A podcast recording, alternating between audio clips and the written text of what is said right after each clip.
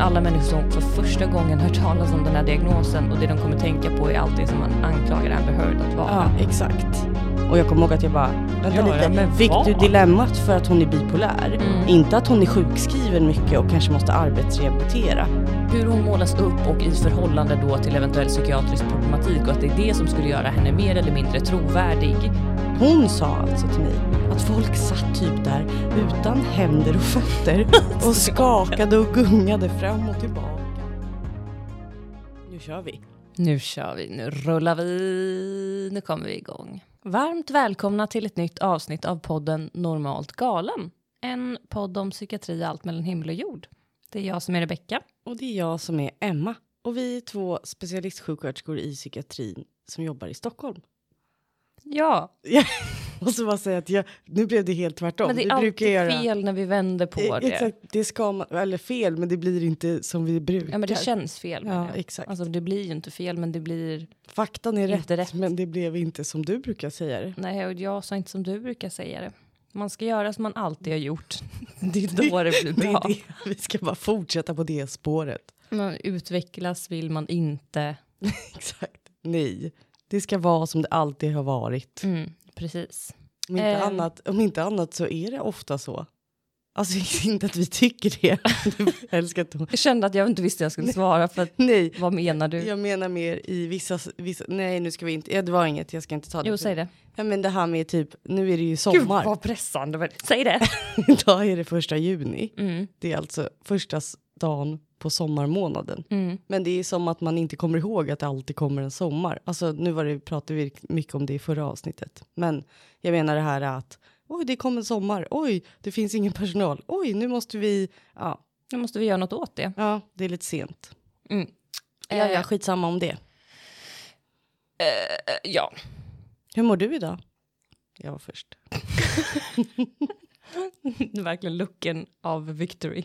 Yes. Eh, jag mår bra, tack. Idag har vi varit och skrivit vårt tredje kontrakt eller överenskommelse för, med en patient, eller med tredje patienten då, för självvald inläggning på vår avdelning. Så det är väldigt roligt eh, att det har kommit igång efter en lång väntan. Ja. Ehm, och ehm, jag behöver inte vara så jävla långrandig alltid. Hur mår du idag? ja, men jag... Gud, långrandig. Du tyckte jag var så långrandig att du kunde inte ens låta mig ibland- passa över bollen. Nej, och ibland när jag vet så här, jag borde säga det här, då börjar jag prata innan du är klar. Ja, men jag mår också väldigt, väldigt bra idag. Sa du att du mådde Jag älskar väldigt att du bra? säger ibland. Det det enda vi gör, är att prata innan den andra är färdig. Ja. Och det ska vi inte göra i podden, vi ska försöka. Men jag mår i alla fall bra. Eh, om det är något ljud. Det var ett flygplan. Ja. Eh, vad skulle... Nej, jag, det, var, det jag tänkte säga sen var att vi har ju kommit på ett nytt ord idag. Mm. Av en slump. Och det tänker jag ändå att vi kan dela med oss av, för att det var ett väldigt bra ord. Mm. Vi har alltså kommit på ordet. Strol. Strol. Att det är strol eller stroligt. Ja, det betyder alltså strålande sol, men Ja. man har inte tid att säga hela ordet. Vilket man oftast inte har om man är vi. Så det ska gå fort. Då kan man förkorta det till strol. Ska vi Varsågoda. sitta i strolen? Varsågoda. Mm, den strålande solen. Det här är något ni kommer använda mycket, eller det beror på hur mycket strol det blir i sommar. Det vet man aldrig, kanske blir snuvade på konfekten. Men, men eh, i alla fall. Men vad var det andra för spöregn? Sprängd? Ja, det var något vi Nej, sa. det var inte det. Nej, det, det, var, något inte annat. sprängd, det var något annat. Ösregn var det väl? För att alltså sprängd är ju liksom bokstavligen en vokal kortare än stavelse. Det är spöregn, sprängd, det är inte ens liksom Ja, skitsamma, det var i alla fall, det var inte det ordet vi kom på, det var Nej. strol. strol. Vi kom inte på det. Jag skulle säga strålande sol. Och då sa jag istället, ja, jag sa väl att det är, sa jag bara strol? Ja. Skitsamma, strol. Ja. Ja. Eh, så vi mår båda ganska bra idag, Ja. det var ju trevligt. Mm. Eh, det här är ju första gången på väldigt länge som vi sitter här för att spela in ett avsnitt. För att vi satt ju här i studion för att spela in introt till, eller liksom lite försnacket då, ehm, till Just det. avsnittet med Erika, en annan typ av tvång, eftersom att ehm, Alltså nu ska jag göra något som jag vet att ni älskar att jag, att jag gör. Alltså vi båda gör ju det, men jag är ju expert på att beklaga mig över ljudet. Ja. Och jag eh, beklagar verkligen. Alltså Ja. det, Det, ja, Ibland blir det så. ibland blir det så och eh, förutsättningarna var inte optimala Nej. helt enkelt. Eh, men vi hoppas att ni uppskattade avsnittet i alla fall och tänker att innehållet i alla fall var bra. Ja, för det gjorde vi. Ja, precis. Alltså, det var verkligen... Eh, gästen och det var väldigt, ändå dock väldigt trevligt att åka hem till henne. verkligen Väldigt gulligt av Erika att bjuda in oss. exakt och baka och allt vad det var. Ja, Men det jag skulle komma fram till i alla fall då var ju att vi har inte suttit här och faktiskt spelat in på, alltså det var ju senast, eller här, just här i studion har vi inte suttit på hur länge som helst, Nej. men vi har inte suttit och spelat in ett avsnitt, ja det var ju med Erika och det är ju flera veckor sedan, eh, det är över en månad sedan, och innan det så var det ju Nynäshamn som vi satt och spelade in Just ett avsnitt det. själva liksom, så att det känns jättekul att sitta här och podda idag. Verkligen. Det såg verkligen inte ut som du tyckte det. Hon bara, verkligen. Och Det var- liksom så här det var- vred på sig jätteobekvämt och stirrade ner i, i bordet. Det var för att jag skulle komma på något klatschigt att säga. Men det kom inte. Mm. Nej, men men- jag tycker genuint att det är roligt. Det är för att det ska falla sig naturligt. Ja. Alltså, alltså om ni bara visste hur mycket tid vi lägger ner på att tänka på vad vi ska säga eller hur vi ska uttrycka oss som är klatschigt. Alltså inte när vi är igång och pratar, men typ så här när man ska komma igång i början. Grejen är att vi, det slutar alltid med att vi skiter i det bara. ja. Alltså vi lägger ner massa tid på så här, men hur ska vi säga det här klatschigt, hur ska vi ändra det här? Och sen så skiter vi i det och säger inget av det ändå. Så det är så mycket bortkastad tid. Det är det vi gör när vi prokrastinerar. Ja, eller så kommer vi på ett sidospår när vi ska komma på något klatschigt så pratar vi om något annat i typ 20 minuter som ändå inte kommer med i podden. Oftast det. Väldigt ofta det. Eller när vi börjar prata om något, kommer på något mellan ting så börjar vi prata om det för att sen återgå, sen hitta något nytt att prata om och sen återgår vi till det vi började prata om. Väldigt många bollar i luften oftast. Verkligen. Hatar det uttrycket. Hatar. Jag också. Många, jag, Nej, men jag, vet du vad jag hatar? jag kan ha det, många bollar i luften. Man bara, vad menas hatar med när det? personer beskriver sig själv som en person som, som tycker om att ha många bollar i luften. Ja, för jag tänker också avsluta de bollarna. Alltså Mm. förstår du, för du kan ju, Jo, men det är som att vissa lägger prestige i det, bara att kasta upp massa bollar och sen så vad som händer med bollarna när du kastat upp dem, alltså att ha dem i luften är ingen bedrift i sig, det är ju att Nej. hålla dem i luften, inte att kasta upp dem. det är ju exakt det jag menar med ha många bollar i luften. Jag tror typ att det stod i mitt CV, jag måste ta bort det. för att det är så här, ah, högt i tak också, det är sånt. Ja, men det har vi pratat om förut, högt Ja. i tak, många bollar i luften, jag är flexibel. Ja, flex, flexibel. Det är, så här, det är inte egenskaper i sig jag stör mig på, utan det är Nej. hur man alltså, beskriver dem som jag Men det stör är mig på. också för att jag har svårt för att det är så här, det skriver ju alla i CVn. Mm. Det är inte alla som kan ha många bollar i luften. Det är ganska inte, få. Det är inte många som är flexibla egentligen. Nej. Alltså, sen är det klart att det ska liksom se bra ut på CV, det förstår jag också. Men ibland tänker jag att folk inte har självinsikt. Men det är också svårt för när man läser en, en ehm, vad heter det, en annons, en arbetsannons och när det beskrivs att man efter, alltså den som efterfrågas ska vara liksom flexibel och självständig, då, alltså det har man ju lärt sig att tolka som sjuksköterska. Det betyder ju väldigt ofta att så här, vi har dålig struktur, du, det är dåligt ledarskap, så du behöver liksom klara dig självständigt och på egen hand. Du ska Eh. helst se till att alla andra gör sitt jobb också så du ska veta vad de har för arbetsuppgifter för att sen kunna berätta för folk vad de inte har gjort. Exakt, flexibel, eh, att någon som är flexibel innebär någon som är beredd att jobba mycket Ja, övertid, det är det verkligen. till exempel. Stanna liksom. Ja. Kan du stanna? Ja. Mm. Måste nog be dig att stanna. Har du barn? Aj då, hur är det med vab? Ja, ah, din man jobbar hemifrån. Okej. ah, han kan inte ta barn. Han kan inte passa sina barn. Det är ju väldigt, ja exakt. Ändå skönt att jag har en man som kan passa sina Mm. barn väldigt ofta. Verkligen. Ja, I alla fall. Men i Eh. alla fall, men i alla fall.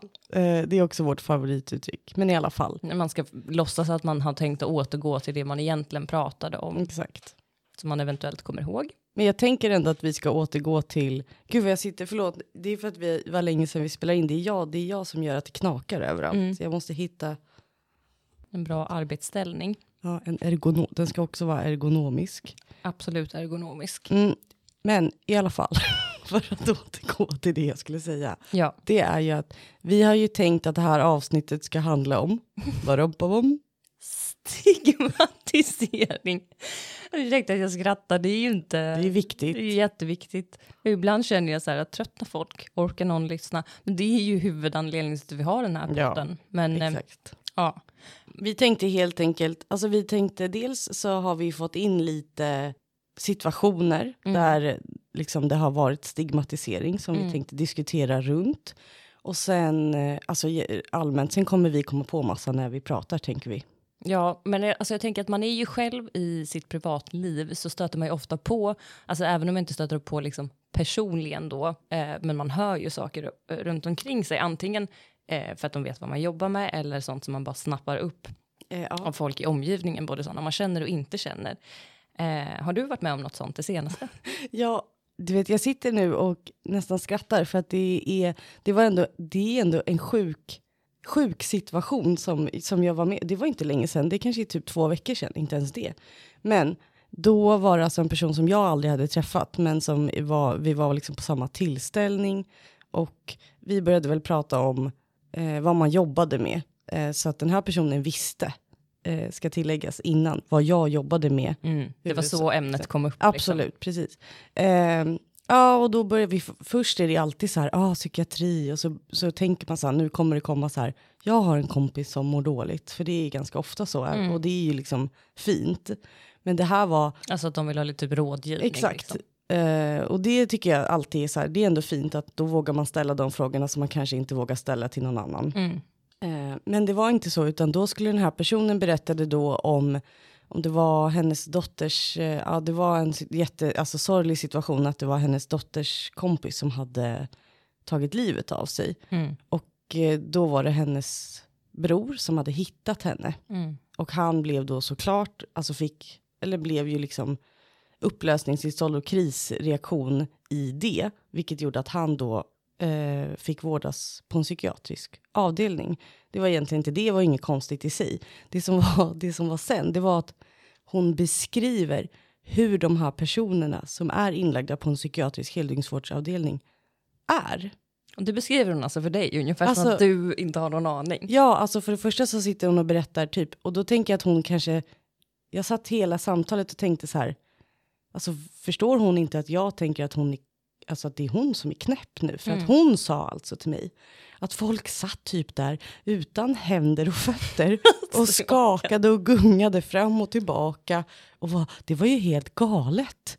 Alltså du vet, och jag kände bara, vad, vad sa du att hon var någonstans? Eller liksom, för jag fattade först inte att hon pratade om en psykiatrisk Nej, och typ också så här, pratar du om i nutid eller pratar du om liksom några hundra år tillbaka? Ja, för det var ju typ gökboet hon Mm. beskrev. Att så här, okej, folk har tvångströjor på det sig. är Det är kanske inte därför några de... hundra år sedan. Nej men, nej, men alltså att de hade tvångströjor på sig. Därför såg det ut som de inte hade några händer. Mm. Alltså för sen förstod jag ju som att eh, det var en typ, alltså det var en allmän psykiatrisk avdelning, som, en sån som du och jag jobbar på. Och Mm. jag kände bara, wow. Och ibland är jag så här, ah, du vet när folk säger något, då är man lite osäker på så här, ah, åh, ska, det här var också en tillställning, det var så här, eh, man kan liksom inte lämna tillställningen på ganska många timmar. Så att, Mm. ska jag, Du var liksom fast där. det var, jag var fast och det var precis i början. Ska jag liksom göra det obekvämt? Eh, ska jag inte? Men jag gjorde det absolut obekvämt. Mm. Eh, och hon drog ju typ tillbaka det här och bara, nej men gud det var inte så jag menar. Jag bara, fast det var exakt det du sa. Men vad sa du för något då när du gjorde det obekvämt? Då sa jag, eh, oj det låter som att ett, det, var, det där är ju eh, påhittat. För den, den du kan tillägga att det här var ju från person, eh, hon hade inte själv upplevt, alltså hon hade inte det varit här på var typ besök. tredjehandsinformation. Ja, så att liksom, det har ju förstorats, typ som en fiskehistoria, liksom, att någon, eller skröna, att någon liksom berättar och sen fortsätter det. Att fisken var tre och en halv meter lång. Ja, exakt. Så då först så sa jag bara att så här, det där är inte sant. Och eh, två, har du en sån människosyn att du på riktigt tror att folk som behöver psykiatrisk heldygnsvård, alltså inklusive den här då som hon kände Mm. ändå, eh, Nej, men det är det. är ja, sådana ja. personer. Då säger hon, nej, han är inte en sån, var inte en sån person. det jag skulle och man säga, bara, precis. okej, så att alla andra som behöver psykiatrisk heldygnsvårdspersoner. blir så upprörd. De alltså, är såna men det är det som personer. är, det är alltid så. Alltså, det är det som är, på, det är samma som, så, alltså du avskyr det ordet, men man ska använda ordet så här, vardagsrasism.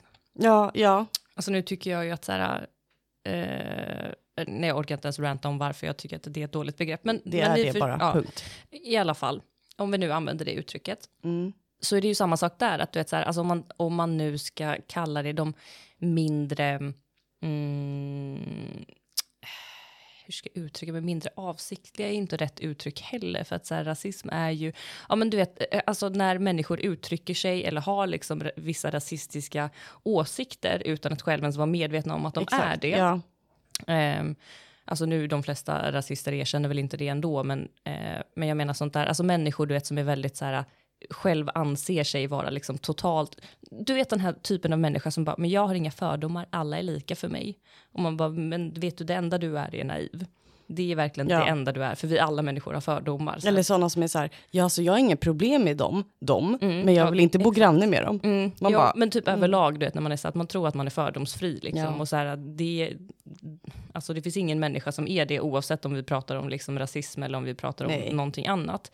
Eh, där det kommer till diskriminering, utan det handlar om hur man arbetar med sina egna fördomar och hur medveten man Ja. är om dem. Men hur som helst. I alla var, fall. Vad var, I alla fall, vad var det jag vill komma fram till? Jo, att när, när man pratar om sånt, då är det ju väldigt ofta så här att eh, nej, nej, men alltså inte du. Eller Nej, liksom inte hon. Eller, alltså, eller jag har jättemånga, eh, eller eh, inte jättemånga, jag har också en kompis som är bla bla bla, någonting. Ja, typ. Och då är det alltid massa, och de förstår inte själva att det där inne, alltså så här får inte dig att verka mer inkluderande, utan snarare Nej, typ värre. Att du Alltså, menar att det finns undantag från regeln liksom. Men de flesta, de har inga armar och, armar och Mm, ben. och exakt, och här blir det samma sak då när man pratar om liksom psykiskt sjuka. Eh, att det liksom är, det handlar inte om att hon har en dålig syn på honom, för han var ju egentligen helt normal, han hamnade ju bara i en kris. Ja, exakt. Så han var ju inte som alla de andra som satt där Som och vaggade sig Nej. själva eh, på golvet och dreglade. Och jag tänker liksom, för, för grejen var sen att hon blev ju väldigt obekväm i att jag ändå sa det. Så hon till slut gick hon på toaletten. Men det är det som är grejen, och jag tror tyvärr verkligen inte att hon var så här, fick ett liksom wake up call och kände oj, eh, här behöver jag kanske Nej, typ det- revidera nej. min uppfattning, utan jag tror verkligen att hon bara tyckte att du var en bitch. Ja, och grejen är, jag tror, ja, det, alltså jag upplevde att hon ändå tyckte att, inte att jag, för sen pratade vi om annat. Ja, men bara. just i det, Jo, liksom, men hon tyckte nog att jag var en riktig bitch. Plus att det var, kändes som att hon var så här, men du som inte, de var ju mycket, mycket äldre än mig, Mm. de här personerna. Eh, och det kändes som att det blev en sån här, men du, du är ju inte lika gammal som oss, så du har inte lika mycket erfarenhet. Man bara, fast det handlar inte om det heller.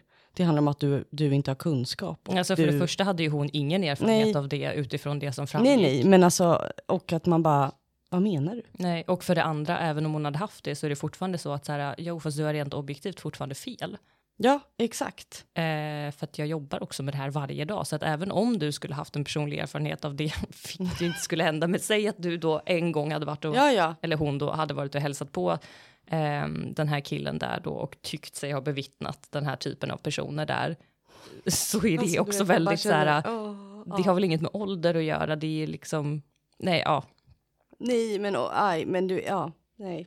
Och det grejen är, alltså tyvärr, tyvärr, så blir jag ju inte, jag blir inte förvånad Mm. när det här, såna här diskussioner, alltså nu var ju det här väldigt så här, de hade inga armar och fötter typ, alltså det var ju liksom kanske inte det man brukar göra, men, men liknande grejer, som du säger, det är ju väldigt vanligt att så här, man hör när man bara, "Ah, jobbar du där? Mm. Men inte alla jättestörda, eller Mm. är du inte rädd, eller Ja, men det är ju typ som vi, eh, nu kommer jag inte ihåg vad det var riktigt, det var någon, eh, där vi hade på vår Instagram så här att folk fick skicka in, jo men det var att vi, eh, det, det var, vi hade fått meddelanden om så här tips till någon som är eh, ny inom psykiatrin eller skulle börja arbeta om- inom psykiatrin och så skickade ni följare in eh, olika saker när det kom till bemötande, förhållningssätt, saker att tänka på, lästips och, Ja. sånt, och sånt. Ehm, och så då var det någon som skrev något som jag inte minns vad det var, men där i alla fall vi svarade på temat just det här med att det liksom är vanliga människor mm. eh, som hamnar där, eller att det, det är liksom vem som helst. Och då, då svarade vi kring det här att det är någonting vanligt som när vi får studenter till oss, liksom att de kommer till, till den här insikten att så här, aha, men det här är helt vanliga människor och det här är människor som man faktiskt träffar ute i samhället varje dag för att det är vem som helst. Mm. Eh, det var nu senaste studentparet vi hade liksom där vi diskuterade det första dagen och den ena sa till den andra liksom att så här, jo men det, det här är ju liksom människor som du träffar varje dag på bussen och på ICA, du vet bara inte om det. Eh, och det är ju liksom, alltså det är ju å ena sidan någonting fint i att, att de faktiskt får komma till den insikten och, och, och se det. Men det säger samtidigt någonting om hur otroligt djupt den här liksom, framför allt då eh, i nutid, alltså förut så var det väl många andra faktorer, men i nutid så har det väl mycket om den mediala bilden att göra. Mm. alltså hur djupt det stigmat sitter. Att, Alltså, alltså, ja. det säger så mycket om vad gemene man tänker. Ehm, Det är ju så sorgligt. ja men det är verkligen sorgligt. Eh, om vad gemene man tänker om vad det är för människor som behöver psykiatrisk vård. Och jag tänker typ så här, då, då tänker jag att alltså sådana stories som vi kan få för att folk vet vad vi jobbar med. Men just det här, det är också det här att folk sitter och rantar om, om sånt i liksom grupper där man liksom inte heller vet att så här, där kan det ju sitta alltså nio av tio som faktiskt äter antidepressiv medicin, har ångest, alltså mår dåligt eller lider av bipolär sjukdom, alltså att man inte vet. Och som kanske inte är då, alltså för jag blev ju genuint sur och arg Mm. och svarade på tal, men då tror jag inte att, alltså så här, det gör man inte. Många Nej. gör inte det i alla fall. Nej, alltså många gör ju inte det och framförallt inte om man redan kommer ur ett, liksom ett underläge där man Nej. känner att så här, det här är en person som redan ehm, i någon mån ser ner på mig det, och, och liksom så redan vet att man har, alltså att, att väldigt många människor har den synen. Så Ja. det, är, det krävs väldigt mycket styrka och mod då, liksom att känna att man ska orka säga någonting. Mm. Eh, alltså även om man inte säger någonting om, om sig själv, men att säga emot överhuvudtaget, för att det liksom dränerar en ju att bli diskriminerad. Ja, ja, ja, absolut. Nej, Vi ska usch. göra ett experiment. Okej. Gud, spännande. Man behöver inte åka till Tom Tits. Man kan sitta här. Ja, alltså gud, nu har jag kanske satt eh, Ribban skithögt. ribban skithögt. Nej, men jag tänkte bara att det skulle vara kul att gå in i lite random grupper på Facebook Aha, och söka på okej. olika typ diagnoser eller olika ord och se lite vad det kommer upp. Mhm. Men här har jag till exempel då, det här är en allmän så här, prat om allt möjligt grupp. Mm. Här sökte jag till exempel då på ordet borderline. Okej, spännande. Eh, ska vi se vad det kommer upp. Vi har till exempel, Alltså borderline, för er som inte vet, det är alltså emotionell instabil personlighetssyndrom. ja det är väl vanligare att man vet åt andra hållet. Sant. Men eh, ja, nu har vi nämnt det. Nej, men jag skrev det för jag tänker att det är vanligare Ja, att det är det. folk använder borderline som inte har så bra koll. Mm. Ska vi se, har vi till exempel, vad tycker ni är röd flagga och vad är grön flagga i en potentiell partner? Har någon kommenterat.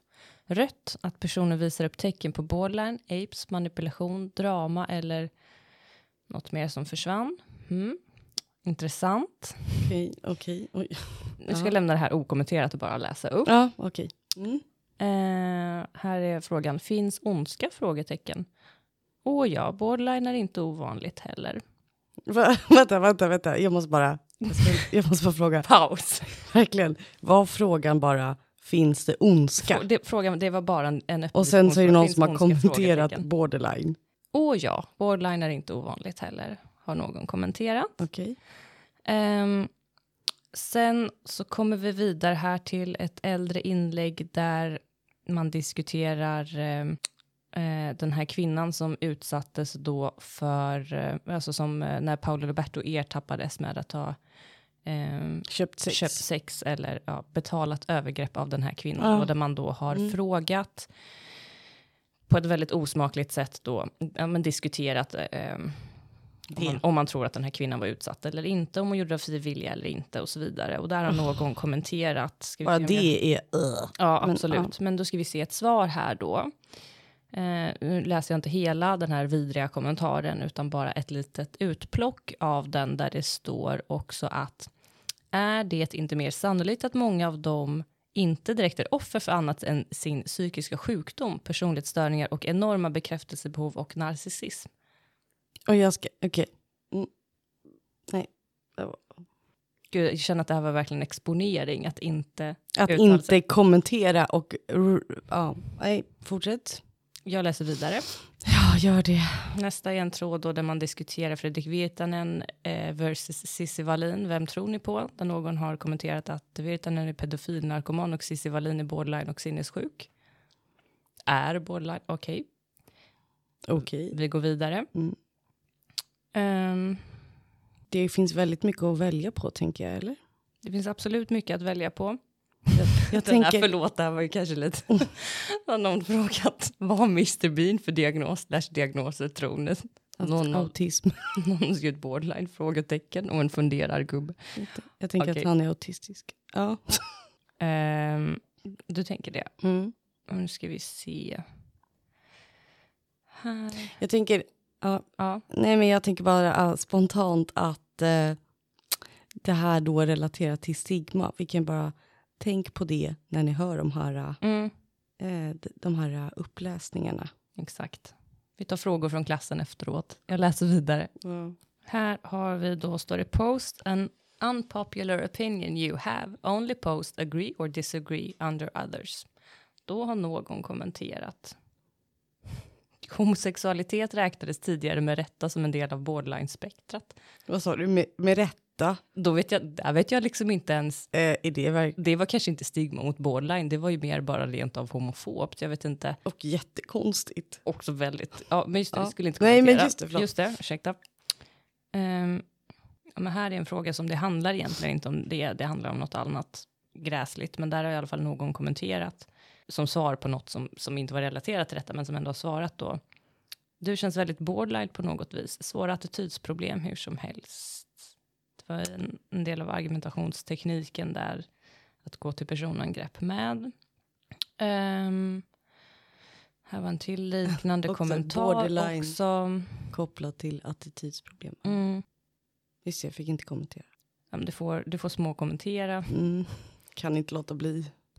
Här har vi då någon som vill eh, gärna vill diskutera att även män blir misshandlade och trakasserade i förhållanden och hur svårt det än är för en man att förstå att det är så bla bla bla. Så har någon kommenterat då att han ju minsann själv var tillsammans med en extremt manipulativ borderline-tjej som slogs psykisk misshandel, gaslightade, var otrogen och bad sina vänner att ljuga åt henne om vad hon var och mycket, mycket mer. Och så vidare och så vidare.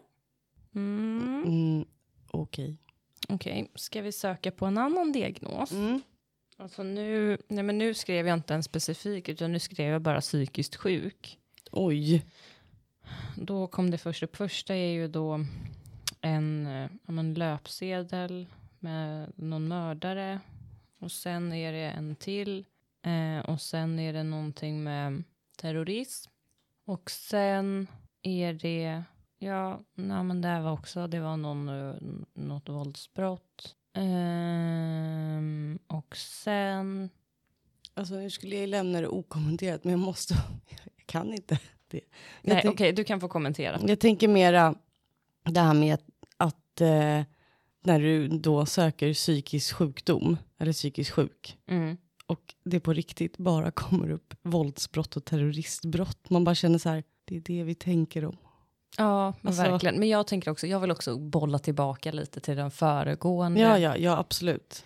med eh, Apes där, med borderline då. Eh, Så ska vi exponera oss lite till, för det finns en väldigt aktuell händelse då som har pågått här ett tag, nämligen rättegången eh, Amber Heard versus Johnny, Johnny Depp. Depp, just det. Och jag Mm. måste ju erkänna att jag har varit eh, extremt, extremt inte insatt i detta. Jag Nej. har inte följt det så nära. det är Inte jag klart att man har snappat upp lite Ja. här och där, men jag har inte hängivit mig åt att djupdyka i detaljerna kring den här rättegången. Nej, det har inte jag heller. Jag har liksom inte kollat på klipp. Jag har inte... Nej, alltså man har ju råkat rulla förbi klipp så det Jo, som har kommit men- upp i flödet, men det är inget jag aktivt har sökt. Jag har inte varit inne och kollat live på rättegången. Nej, eller liksom, alltså så här, läst massa, jag har inte gjort det. Men något som ändå inte har kunnat undgå mitt öga, eller öra för den delen, Exakt. är ju då kommentarer och diskussioner kring Amber Heards Mentala hälsa, hälsa. eller ohälsa. Och jag vet fortfarande inte riktigt, alltså för det man har hört och läst är ju då att hon skulle lida av just emotionellt instabilt personlighetssyndrom och slash eller his- histrioniskt personlighetssyndrom. Och grejen är att eftersom att vi som sagt, ingen av oss är jätteinsatta Alltså så är vi nej. fortfarande lite osäkra på vi skulle liksom googla lite här då och bara så här, men alltså är det fastställt att hon har de här diagnoserna?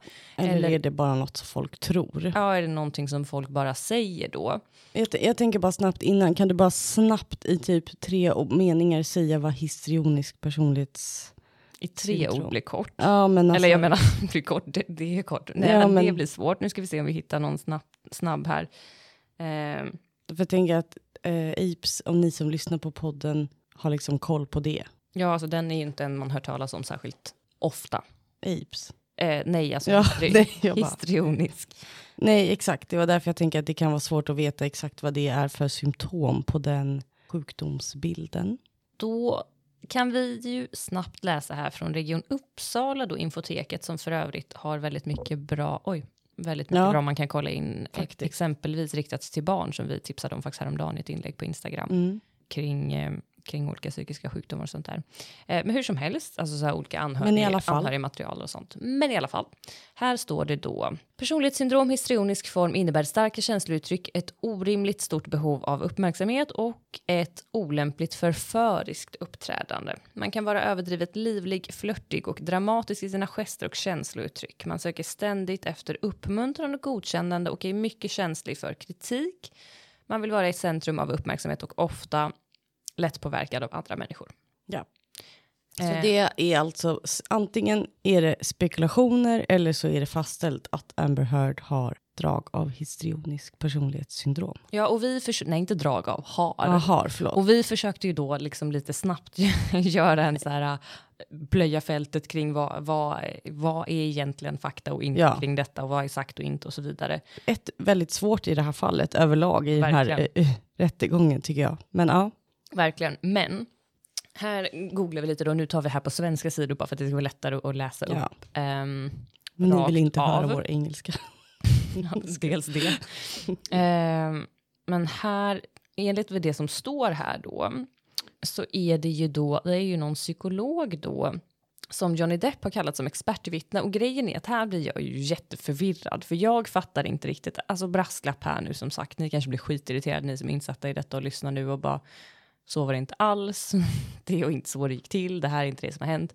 Eh, så vi får be om ursäkt för det i så fall på Ja, förhand. verkligen. Men hur som helst då så har eh, Johnny Depp i alla fall har ju kallat ett expertvittne som är en psykolog då som heter Shannon Curry. Curry. Eh. Curry. och eh, jag vet liksom inte hur det uttalas men det stavas curry. Ja. Curry. Curry. Shannon Curry. Shannon Curry. Shannon Curry. Hon har då under sitt vittnesmål berättat att hon efter två separata direkta undersökningar av Heard samt granskning av tidigare psykologiska utredningar kom fram till två psykiatriska diagnoser.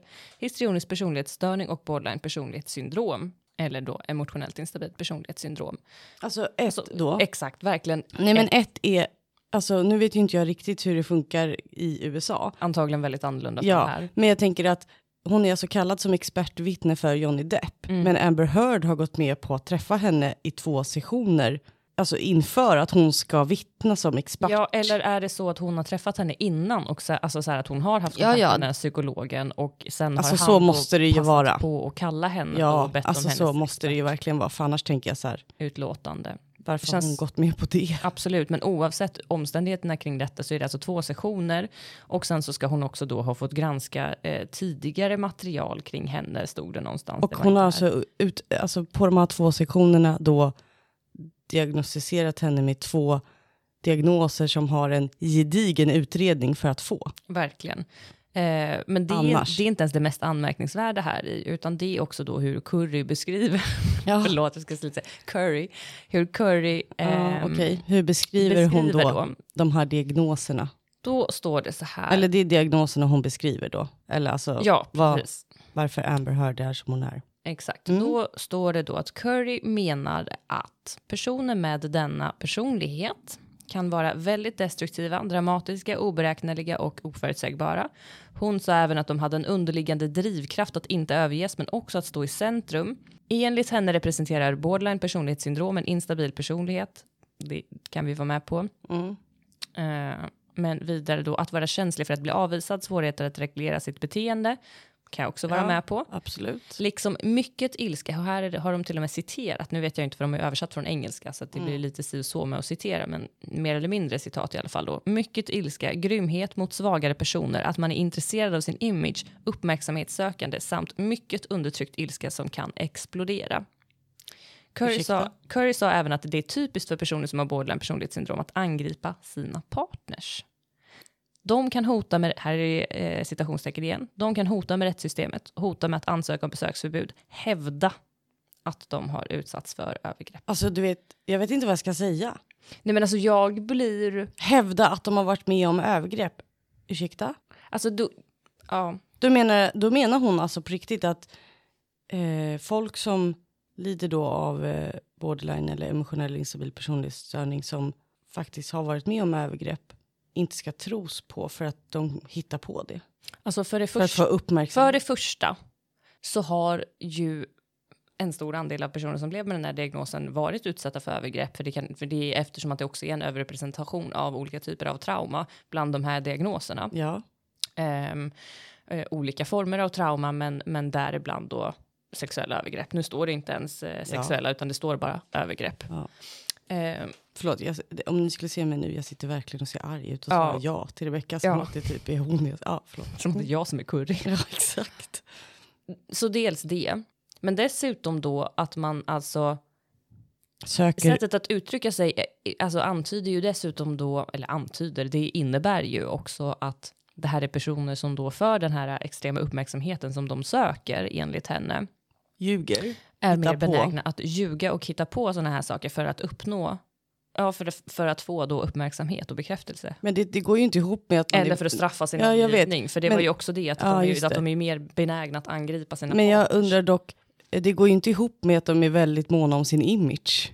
Att man hittar på saker för att få uppmärksamhet, men det är det är inte bra saker. Nej men det skulle väl vara då att det liksom är eh, att man, att man trivs i offerrollen då antar jag att hon syftar på eller? Jaha, så alla Eller som att har man- eller- borderline eh, har offerkoftor. Ja, eller att man då trivs av att sätta den här personen som man hävdar är utsatt en för övergrepp, att, eh, att liksom trycka ner den eller att sätta den i, i knipa och liksom straffa den på olika sätt. Att det skulle vara någonting, någonting man njuter av extra mycket då. Men också i att, hon sa också att man gillar att trycka ner de som är svagare. Ja, vart fanns stod Eller? det någonstans? Jo, för det har, läste vi ju. Läste Ja. jag det här eller var det Ja, någon annan? nej, du läste det där. Att man, ge, man tycker om att utöva sin makt över de som är svagare eller något sånt.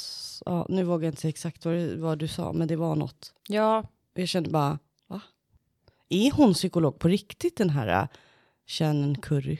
Alltså det är ju alltid väldigt oklart i USA när de är liksom... Absolut, men, är Men- här, psykolog måste ju ändå vara ett legitimerat yrke Absolut. i USA också. Och jag tänker ändå att man är det om man då blir kallad Kallas som, som expertvittne. expertvittne i en sån här uppmärksammad rättegång. Ja, Alltså sen i USA absolut att man kan betala folk för att säga lite vad som helst säkert. Men Okej, här har vi då här har vi då från Aftonbladet Plus. Nu kan Mm. jag inte läsa för att jag inte har inte Aftonbladet Plus, men sju kännetecken på mystiska syndromet. Det står inte vilket syndrom det är, Spännande. men det som det står är att det är ett personlighetssyndrom få känner till, men som fått uppmärksamhet i rättegången mellan Hollywoodstjärnan Amber Heard och Johnny Depp.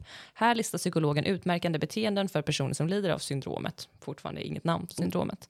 det Och så är det fyra punkter här då. Så skiljer det sig från narcissism. En faktor sticker ut. Fyra råd för att hantera en person som har det. Och då kan en person med syndromet bli hjälpt. Eh, så skynda er in och skaffa Aftonbladet Plus om ni eh, Känner igen er i, eh, känner att ni vill ha tips. känner att ni har samma. Men alltså jag tycker fortfarande att det är konstigt att man som expertvittne då får säga vad man ger för diagnos. Alltså dessutom så här, typ som alltså utredningar överlag. Det görs ju, det är ju inte bara en person som gör, det är ju flera personer som är inblandade i en utredning. Mm.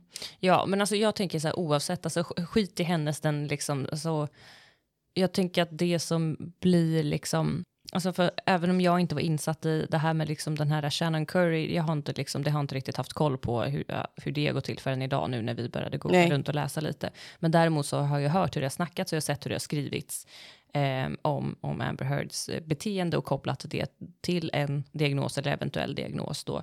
Och hon framställs ju verkligen i det närmaste som ett liksom avskum, alltså en manipulativ hagga. Eh, och, och verkligen så här, alltså nu tänker jag att så här, det är helt ointressant i, i det vi diskuterar nu, liksom, om alltså det, om, sakfrågorna Ja, i ja, sig exakt. och liksom vad hon säger och han säger och eventuella lögner och inte. Det är inte det som är intressant här, utan det som är intressant är hur hon målas upp. hur hon målas upp och i förhållande då till eventuell psykiatrisk problematik och att det är det som skulle göra henne mer eller mindre trovärdig i så fall. Eh, och att om man nu är en person som hävdar att hon har hittat på allting, hon ljuger om allting, att det då skulle kunna kopplas till en eventuell diagnos. Ehm, och det här är så djupt problematiskt att jag typ inte ens vet vart jag ska börja någonstans. För dessutom, det här är diagnoser som faktiskt väldigt få människor känner till. Och att de så, alltså den här rättegången är ju så otroligt välbevakad. Ja, och gud, så ja. Liksom, Ja, ja, alltså ja. Det, det är ju liksom, det är, det är på lång tid som det saknar liksom dess like. Och det är så fruktansvärt, fruktansvärt tragiskt att för så många människor som vandrar på denna jord, för första gången de någonsin hört talas om de här diagnoserna, kommer vara kopplade till det här fallet. Mm. Ja, ja. Och vad får de människorna för uppfattning om en, människo, eh, om en person som lever Med den med här personlighetssyndrom av exakt. någon slag? Ehm, Nej men alltså du, du vet, jag känner bara dels också så här, inte, nu är jag ju som sagt inte insatt, men så här Johnny Depp, eh, har han också för, utmålats på något sätt? Det vet jag inte. Alltså jag han- tänker ändå att så här, förstår du vad jag menar? Att Ja, det är klart att det ligger en, en, mycket en faktor av att så här, som alltid med att det handlar om en kvinna. Ja. Eh, alltså kvinnor, även utan om vi liksom räknar bort att det skulle, skulle slängas in något personlighetssyndrom där eller den typen av Mm. problematik så, så betraktas ju alltid en människa som, eller en kvinna som mindre trovärdig och eh, ja. mer manipulativ och benägen att liksom eh, ljuga och hitta på och, och förkofta sig och hålla på. Så det är ju Ja. bara ett lager på det. Tänk då, tänk då att du är en eh, vi säger 20-årig tjej som Mm. precis har fått den här diagnosen och sen då förknippar du det med det som skrivs om den här rättegången och Amber Heard. Mm. Alltså, jag vet liksom inte vart man ska... Alltså för det här med att slänga sig med diagnoser, det har vi pratat om förut i tidningar. Alltså så här att, att media, det, liksom, det är inte bra. Nej, Och det här är verkligen inte bra. nej. För att, och grejen är att jag har ju ändå sett, även, som sagt, även om jag inte är insatt i det, men så här, eh, ja, men influencers eller kända personer som också börjar slänga sig med sådana uttryck som kanske inte ens har förut ens kommenterat saker om Alltså om eh, liksom psykisk eh, hälsa eller psykisk ohälsa som också börjar prata och liksom anammar det som skrivs i amerikansk press eller liksom i pressen. Det är ju liksom, de har ju, det här har ju blivit så stort, så stort. Ja, nej jag vet inte, alltså jag, jag vet inte, du vet, jag vet inte vad jag ska säga. Nej, nej men och, och liksom just det här att det Och här var vi på väg att skapa ett samhälle där vi tänkte att vi skulle bli mer öppna, eh, våga prata om psykisk ohälsa och hur kommer det att tas emot? Alltså förstår du vad jag menar? Alltså, grejen är att det här är ju diagnoser som redan innan har en väldigt, ja, alltså historiskt sett en otroligt liksom, ehm, ja men nej, alltså från början när borderline tillkom som diagnos överhuvudtaget så var ju det liksom en typ en slaskdiagnos som man satte på kvinnor enbart eh, som liksom inte passade in någonstans eller som hade, ja men som man tyckte var liksom men som inom citationstecken var jobbiga. Ja, jobbiga kvinnor, exakt. Eller tidigare då hysterikor. Sen Ja. när de bara, oj, typ, vi tar bort den diagnosen så fick de borderline istället. Um, oavsett liksom, det, fann, ja, det fanns ingen riktig, eh, ja, skitsamma, det var inte det jag skulle säga. Hur som helst, den har ju liksom sedan liksom begynnelsen när den här diagnosen överhuvudtaget tillkom, även om kriterierna inte såg ut som de gör idag, vilket inte är intressant, men för, just för att det liksom hela tiden har haft den här ehm, Fast negativa klangen, alltså på något exakt. sätt i att, att eh, det också är något som, det tänker jag kanske är att man inte Nu föds. pratar du inte i micken. Ja, men det är, ibland är, pratar jag inte mycket för att jag känner att jag svamlar. Alltså själv att jag inte vet vad jag ska säga så att det var inget. Nej, Jag insåg själv att så här, jag började så här, prata så här för att, ja, skitsamma. Ja, nej men att jag känner att jag samlade lite också. Det jag egentligen ville ha sagt var att nu att det blir uppmärksammat i så enorm skala, att bli förknippat med någonting som redan hela världen, oavsett liksom vad enskild individ tror på eller inte när det kommer till den här rättegången, så har ju Amber Heard har ju blivit dömd. Hon kommer vara dömd för resten av Ja, sitt liv. Alltså det spelar ingen Eh, roll äh. hur många gånger de går ut och säger till exempel att hon inte skulle ha de här diagnoserna. nej, men och, alltså, det har inte, och det har inte egentligen, det är inte poängen i det hela. Nej, alltså det, det jag skulle säga var att hon är ju dömd, alltså det spelar egentligen ingen roll hur den här rättegången liksom kommer sluta. Nej. Hon är ju dömd för resten av sitt liv. Hon Hennes- kommer aldrig ha ett normalt liv Nej, igen. alltså hennes så här, liv är ju liksom, hon är eh, gjord till åtlöje och hon är hånad och hon är smutskastad och hon är liksom, alltså alla de här sakerna eh, dömd som liksom inte tillförlitlig och så vidare och så vidare. Och att koppla alla de här o- egenskaperna eller liksom eventuella lögnerna eller vad det nu än är, om det skulle liksom visa sig att det är så, koppla dem då till så stor del och dessutom med stöd av det här då expertvittnet till de här psykiatriska eh, tillstånden.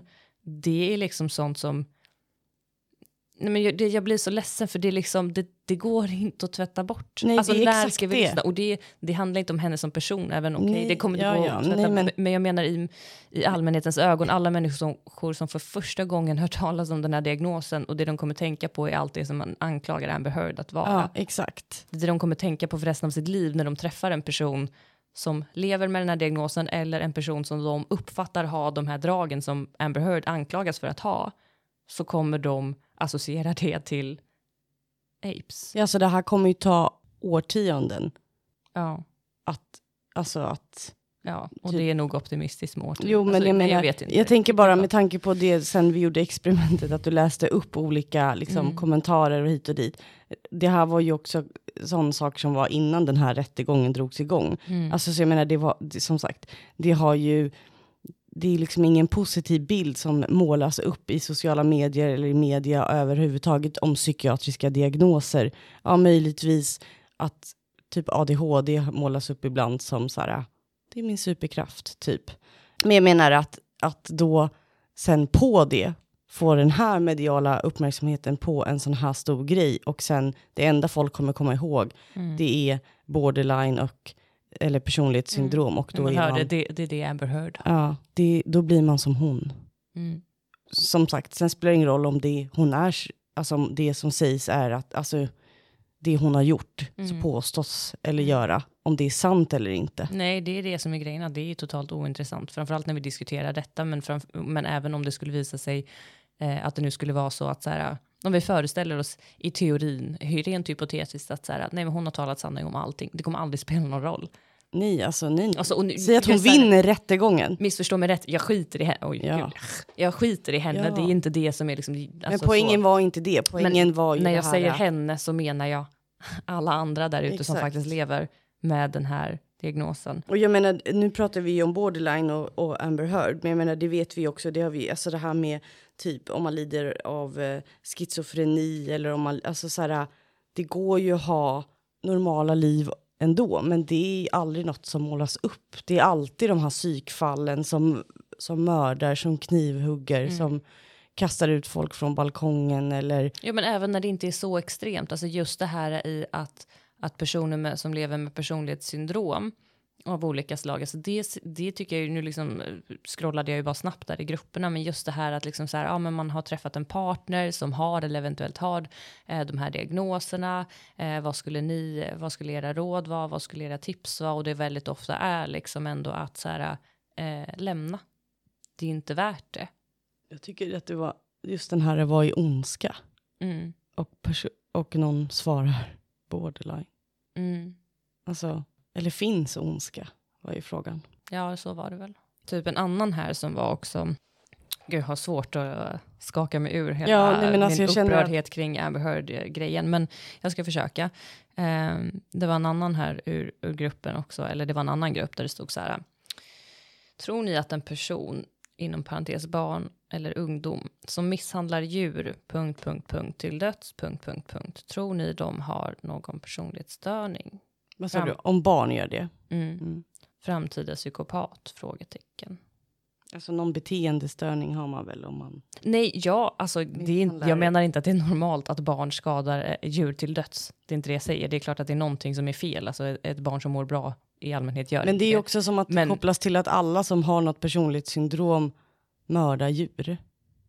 Ja, alltså, grejen är att det är ju där det också, man gör också en felkoppling. Alltså, säg att om vi nu ska använda det icke-kliniskt korrekta begreppet psykopat så skulle man säkert bland dem då som misshandlar djur till döds Alltså typ att, ja okej, det är väl en överrepresentation, eller det är ju liksom en riskfaktor när man, när, det, när man, eh, alltså att typ skada djur till exempel är en riskfaktor när det kommer till att skada även människor. Eh, eller liksom att ja, ja, beteende, ja, ja. beteendemönster Mm. som ofta liksom, Ja, alltså ofta är det också att man börjar med djur. exakt. Och då tänker jag liksom att, ja absolut att det kan vara en överrepresentation av personer då som är psykopater, om vi ska säga så. Ja. Men det betyder inte att du kan vända på kakan, att många av dem som lever med, framförallt inte om vi pratar andra personlighetssyndrom, att man kan vända på kakan och säga då att de flesta av dem är djur och människomisshandlare, för det är liksom inte sant. Nej, och det är det, men det blir ju det bilden, det blir ju den bilden man, man målar upp. Mm. Och det är det vi vill komma åt i det här med stigmatiseringen. Att så här, det är samma sak när vi pratar om men de här våldsbrotten. Så här, ja, i vissa fall så är det ju faktiskt så att våldsbrotten har begåtts för att man lever med en psykisk sjukdom som man inte har fått hjälp med. Mm. Absolut. Men inte, absolut inte i alla fall. Nej. Liksom, det är inte det det stora problematiken, till exempel med män som misshandlar kvinnor. Mm. Det är inte så att alla lider av allvarliga psykiska störningar som gör att de måste egentligen ha vård. Eh, verkligen inte. Men det är ju så det målas upp Mm. på något sätt. Mm. Ja. Usch! Alltså, Ja. jag vet inte, jag kan inte kommentera det mer än usch.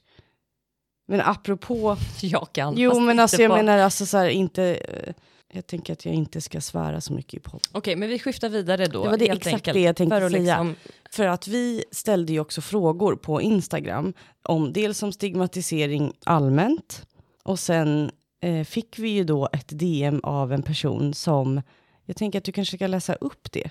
ja, alltså det var ju eh, en person som skrev Ska då... jag ändå, ska ändå kolla om det, hon kommer läsa det jag tänker på. Ja.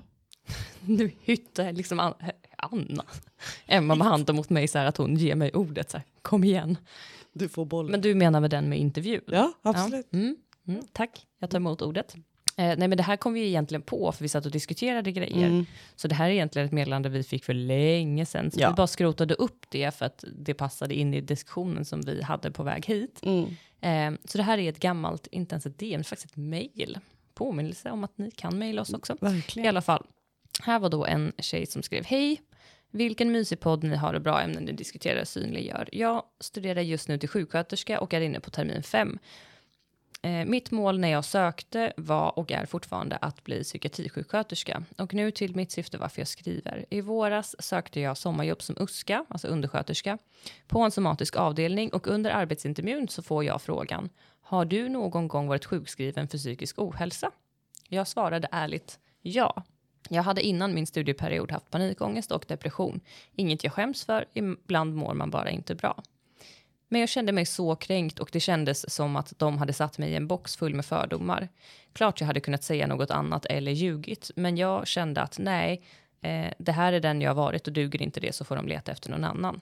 Jag kände igen mig så när ni pratar om patienter och deras diagnoser som följer med dem när de söker vård.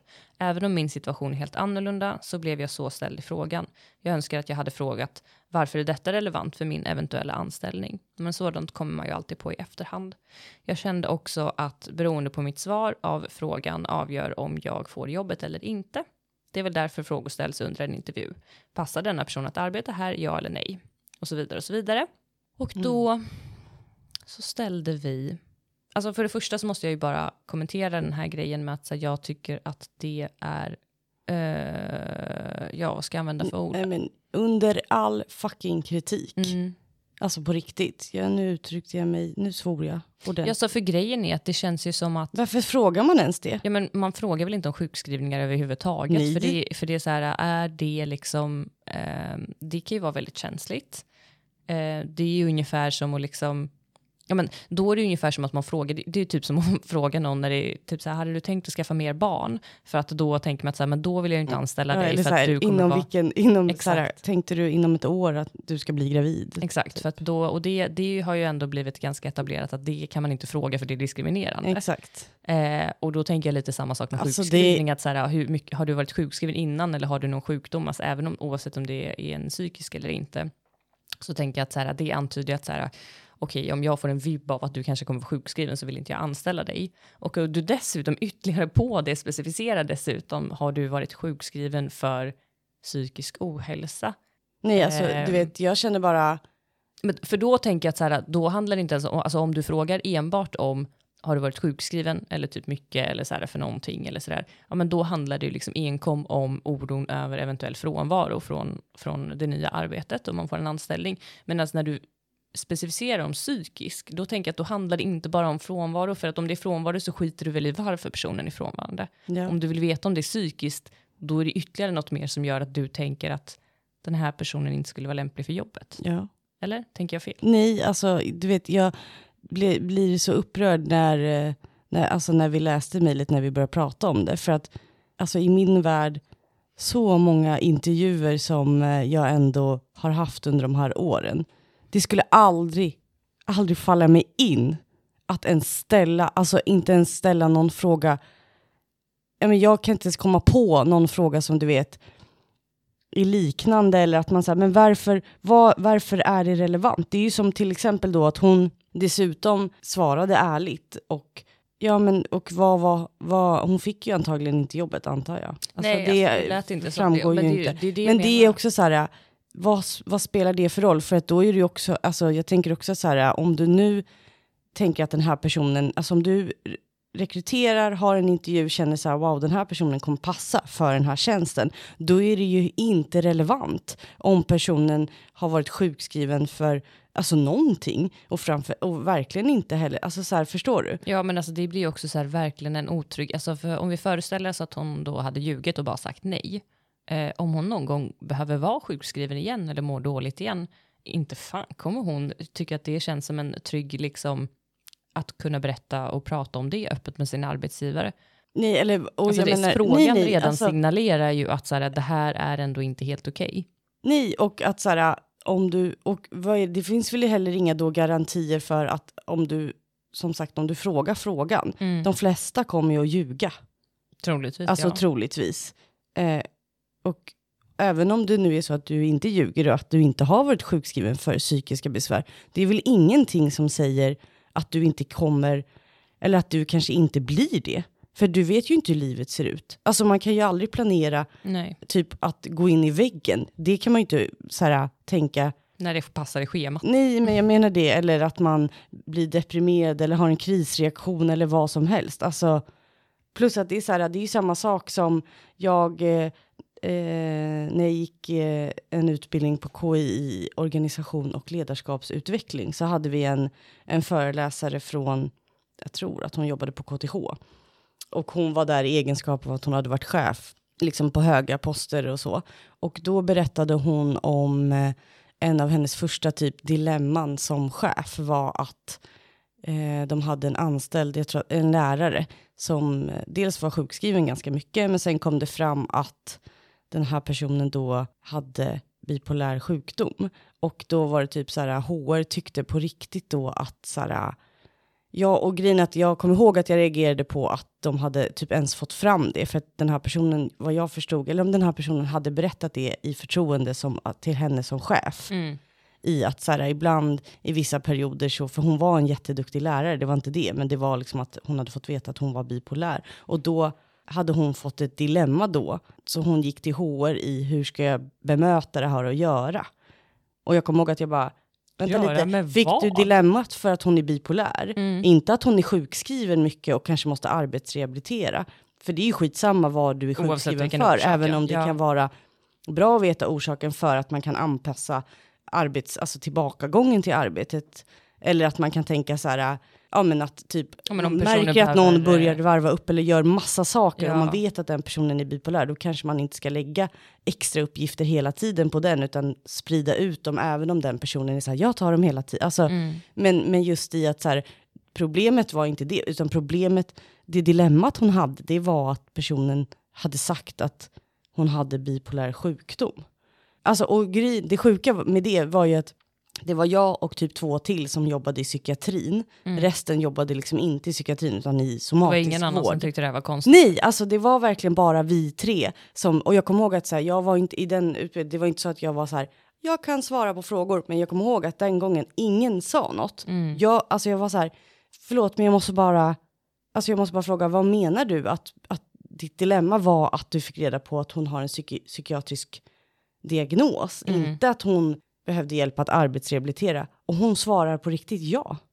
Eh, Alltså förstår hade du hon liksom? någon mer motivering? Eh, Vad hade HR Nej, men sagt? för grejen är att då blev det en obekväm diskussion eftersom jag fick medhåll från de som då jobbar i psykiatrin. Mm. Men det blev liksom en typ en mot, alltså mothugg mot andra som var så här, fast det är klart att man måste, att det, det komplicerar hela fallet. Och jag var så här, Nej, fast det har ju inte med saken att göra. Eller det rättare sagt, Alltså- du behöver inte göra Och det. dessutom, om hon nu hade sagt det, då kan det nästan vara enklare att arbetsrehabilitera när man vet att så här, okej, det, Definitivt. det är typ på våren då, för det, det var, alltså så här, jag förstod det som att det var lite årstidsbundet när Mm. hon gick ner i depressioner och att man kan typ så här, om det går, lägga om arbetet lite, att så här, om, okej, du, på våren så ska vi inte ge dig för mycket, men då kanske du ändå kan tänka dig att ha någon extra klass, men på vintern när du brukar bli deprimerad, Mm. då försöker vi skala av så mycket så att du klarar av det du ska göra utan att behöva sjukskriva dig. Mm. Men det var inte det som var problemet, utan problemet var att hon var bipolär. Typ som Men att, vadå, det nej men du vet, var det farligt att ha henne på jobbet? Alltså förstår du att det blev den diskussionen? Fan nu, nu mer jag tänker på det, jag har ju liksom förträngt det här för att det var, det var en sån obehaglig situation i liksom klassrummet och att det var, det här var ju alltså bara, det ska ju tilläggas, det var bara chefer som Mm. gick den här utbildningen. Så det var bara folk som har den befattningen att de anställer, att de, och det var liksom egentligen ingen annan som tyckte att det var konstigt. Alltså sen var det väl att folk bara sa nej men så kan man ju inte göra eller, men, men det var ju fler som var typ så här, ja men det blir ju jättejobbigt att ha någon som är bipolär som jobbar. Man bara, du har säkert flera som du inte ens vet om än. Det är också så Som är att- jätteduktiga, så att, om du nu skulle få reda på att de har en diagnos, för det var ju det också, den här läraren var ju extremt duktig på sitt jobb, så det handlade inte ens om att de ville sparka henne, eller att hon ville sparka henne, förrän hon fick veta. Det är det jag menar. Att hon var de är bipolär. det är komplicerat och det blir jobbigt. Fast det var ju inte det Nej. förrän du fick reda på vad det var för sjukdom som Nej. personen hade. Det var då det blev jobbigt Ja. och komplicerat. Ja, så inte fan att folk kommer berätta om sådana saker. Och, och som sagt, det var en jättekonstig fråga att fråga, alltså som hon, om vi återgår till mejlet vi fick. Mm. Men det är ju ännu mer märkligt idag att man ställer den frågan, för du borde ju hypotetiskt tänka att folk svarar nej. Eller Ja. är det att du ska checka i den boxen då? För att då är det så här, men du sa ju att du inte hade det. Så när det sen kommer upp, då har du någon hållhake på den här personen. Eller förstår du vad jag menar? Det skulle för mitt liv... Dessutom tycker jag att det är så här, det är ju... Alltså det är ju, jag, att jag förstår att hon kände sig kränkt. För det är otroligt kränkande. Det är ju typ som att du skulle fråga mig så här, ja men... ehm, Okej, så du har migrän så att du kommer vara borta jättemycket från jobbet. Det är inte säkert. Ja, alltså jag menar, ska vi vara sådana? Eller alltså, typ- diabetes. Typ eller, en person som li- lider av migrän. Det är väl mer jobbigt och komplicerat i så fall, för det är en person som oftare sjukskriver sig med kort varsel. Om vi nu ska vara sådana. Ja, och antagligen Alltså, bara, så bara- korta i- frånvarotillfällen. Vilket gör att då kan man inte ens ta in folk om det nu är att man blir sjukskriven. Nej, ersätta någon för en Nej, period. för att du Nej. ofta är så här en, två gånger i veckan. Alltså förstår du? Ja, men jag kan, det är det jag menar, jag kan, jag kan, om vi nu ska vara sådana att man ska leta jobbighetsfaktorer så kan jag definitivt komma på andra saker som, som, eh, som i så fall då skulle kunna vara, som ur ett arbetsgivarperspektiv, så här, kännas krångligt när det kommer till sjukfrånvaro.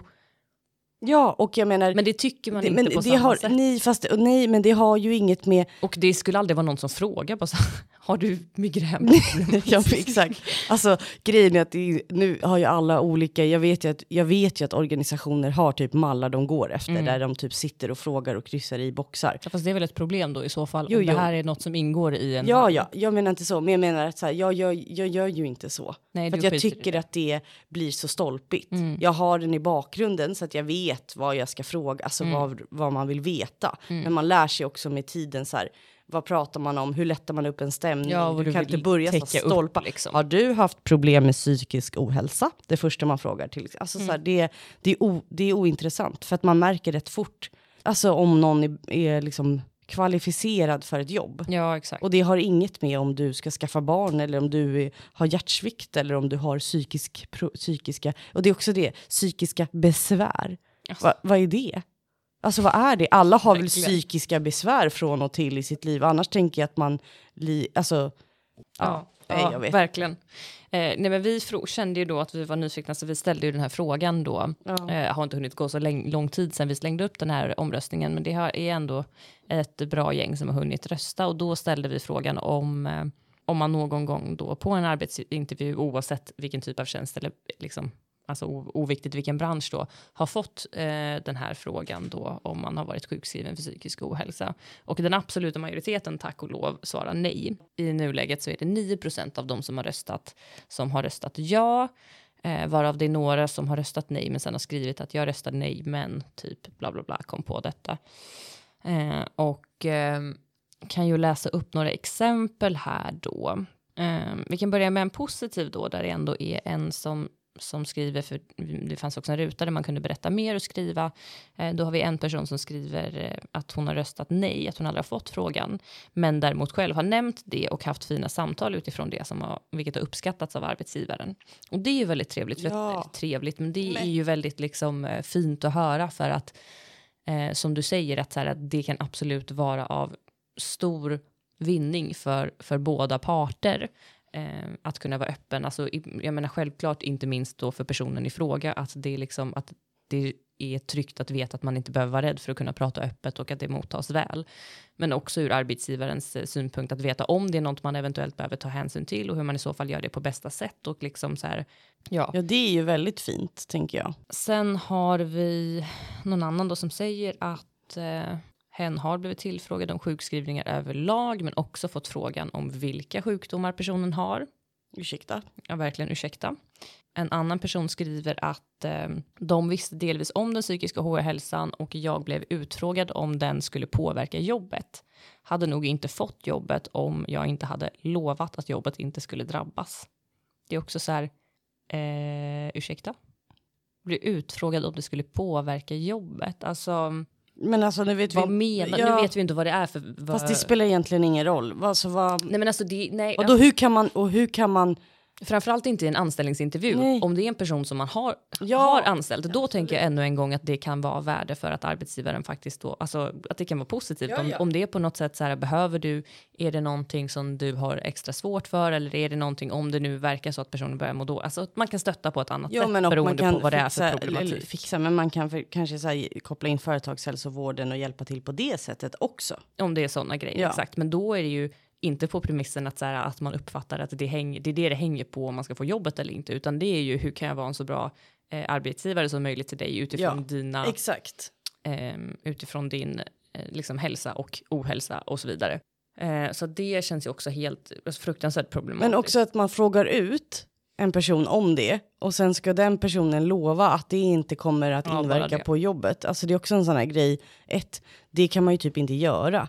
Alltså och det kan du inte göra, du kan ju aldrig lova i en arbetsintervju att vad som än händer i mitt liv så kommer det inte påverka mitt jobb. Nej, det är det. Alltså, för det alltså, ju, bara liksom... den frågan dessutom indikerar ju så mycket att så, även om hon nu försäkrade sin, sin blivande arbetsgivare om detta så är det också uppenbart att den arbetsgivaren hela tiden kommer gå och undra och övertolka och tänka så här, är det så att, som sagt nu vet vi inte vad det handlar om för typ av ohälsa här då, men liksom hela tiden ha det i bakhuvudet. Eftersom ja, personen exakt. uppenbarligen ser det som ett potentiellt stort problem. Ja, inte för sin egen del. Tänker jag, eftersom att det, det Jo, men tänker väl att det är ett potentiellt ja, ja, eftersom att personen nu fick den här eh, medarbetaren eller blivande medarbetaren att lova att det inte kommer påverka jobbet, vilket också känns väldigt märkligt. Mm. Sen är det en annan som säger att eh, personen då skulle sommarjobba på hemtjänst och fick frågan fick tjänsten på ett villkor, att jag alltid skulle ha, att jag alltid måste ha långärmat. Mina armar kunde ju skrämma de äldre. Alltså min första reaktion är ju så här, eh, långärmat. Långärmat i Basala vården. Basala hygienrutiner. Alltså verkligen. Alltså förstår du då stigmat i att okej, nu är kanske inte hemtjänsten alltid Nej, absolut absoluta, inte. Liksom så här, det är inte kanske alltid omvårdnad på det sättet, utan det kan ju vara handling och det kan vara städning. Ja, exakt. Det, det, precis, det kan ju vara olika Absolut. typer av insatser i form av hemtjänst, fast om du fortfarande har jobbet, det är inte som att du anställts bara för att bara hjälpa äldre att handla. Nej, alltså, nej, nej, det måste alla... ju vara liksom allt möjligt. Exakt. Eh, och att då tycka liksom att så här, alltså om vi bortser från, från liksom så här tabut då kring att ha självskada är, men att man då tycker att så här, basala hygienrutiner är totalt oviktiga i relation till de eventuella då reaktioner som skulle kunna väckas hos de äldre. Och att vil nej men alltså. Men också att anta då att alla typ skulle bli rädda för henne. Mm. Eller honom, det vet vi inte. Men det är också väldigt märkligt att man sätter in sin egen tolkning av det. Alltså förstår du vad jag menar? Att så här, det säger ju rätt mycket om den personen som sa ja, det. Alltså, Vadå det skrämma? Det. För det säger en hel del om hur man fortfarande var, att man tycker det är så pass acceptabelt att, att så här, tycka att det är obehagligt och konstigt och onormalt. Du kommer inte säga, även om det, om, om vi ska ta något annat då som liksom ofta blir ett, ofta gud, men som blir ett problem till exempel, till exempel ibland med du vet, personer som säger nej men jag vill inte eh, att det kommer hem eh, någon i slöja till mig. Eh, jag vill inte att Nej, jag vill inte nej. ha en svart person hemma hos mig. Jag vill inte alltså andra Ja, ja, du vet, ja, så här, ja. på olika sätt ehm, eh, liksom rasistiska önskemål Mm. eller vad man ska säga eller, eller villkoranden och så vidare liksom där det ändå är så här att fast det kan man inte önska. Det går inte. Nej, exakt. Det kan inte vi, bara för du tycker det är obehagligt med liksom, alltså så här, där kan vi liksom inte tillmötesgå dina rasistiska villkor. Men det är helt okej då om det skulle vara så att vi kan ta hänsyn till om de äldre eventuellt tycker att det är obehagligt med självskada är, då ska de inte behöva se det. Alltså det är typ som att säga, förstår du då, alltså jag tänker att det skulle ju aldrig hända, men förstår du då potentiellt en diabetiker som har en eh, sån här mätdosa på sin arm och så skulle de säga så här, du får jobbet men du måste täcka din dosa för att, eh, alltså folk kan ju bli livrädda i att du ska få Men- lågt socker och svimma där. Men förstår du vad jag Ja, menar? eller typ det skulle ju aldrig hända. Personer som har typ så här, jag har amputerat ett finger. Eller typ så här personer som har, du vet man kan födas med liksom någon form av missbildning där liksom så här man har typ en arm som är kortare än den andra eller man har liksom hälften så många fingrar eller man har... Vad alltså skulle de säga då? Bara du inte bara har eh, boxningshandskar på dig så Exakt. ingen ser att din hand är deformerad? Vart går gränsen vad- för att, så här, att så här, det är okej, det är inte okej att liksom kommentera då att någon har ett på något sätt avvikande utseende eh, eller liksom mindre normativt utseende när det kommer till liksom ja, det fysiska utseendet, alltså som inte är typ så här klädstil eller Nej, inte, nej, alltså ja. så. Det skulle man inte våga säga för att även om man hade tyckt så som arbetsgivare så hade man inte vågat säga det för att man Nej. förstår att det är diskriminerande och Ja. kontroversiellt. Ja, exakt. Men när det kommer till i det här fallet då självskada är, då är det inte konstigt tydligen.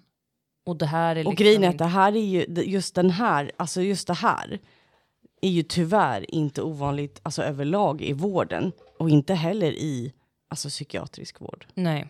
Men inte i vården överhuvudtaget. Alltså så här, jag vet att vi har haft andra, alltså så jag, vi har fått andra historier om just självskade är och hur man ber personen att täcka dem och klä Mm. på sig för att man skrämmer andra. Just det här att man skrämmer andra. Mm. Men och då undrar jag så här, tror de... Fast då kanske de behöver vadå, exponeras. tänker de- Om jo. det skrämmer dem så mycket, det kanske inte är mitt ansvar då att dölja att jag tidigare har varit sjuk. Det kanske är liksom samhällets ansvar då att, att exponera sina medmänniskor och sina medborgare för att sånt här faktiskt finns och att normalisera det. Inte normalisera att människor mår dåligt, men att normalisera att det finns. Ja, men också jag menar, är man då, tänker man att de typ äldre då, jag tänker på hemtjänsten, tänker Mm. man att de tänker att de tänker att den här personen kommer hoppa på dem och skära dem eller?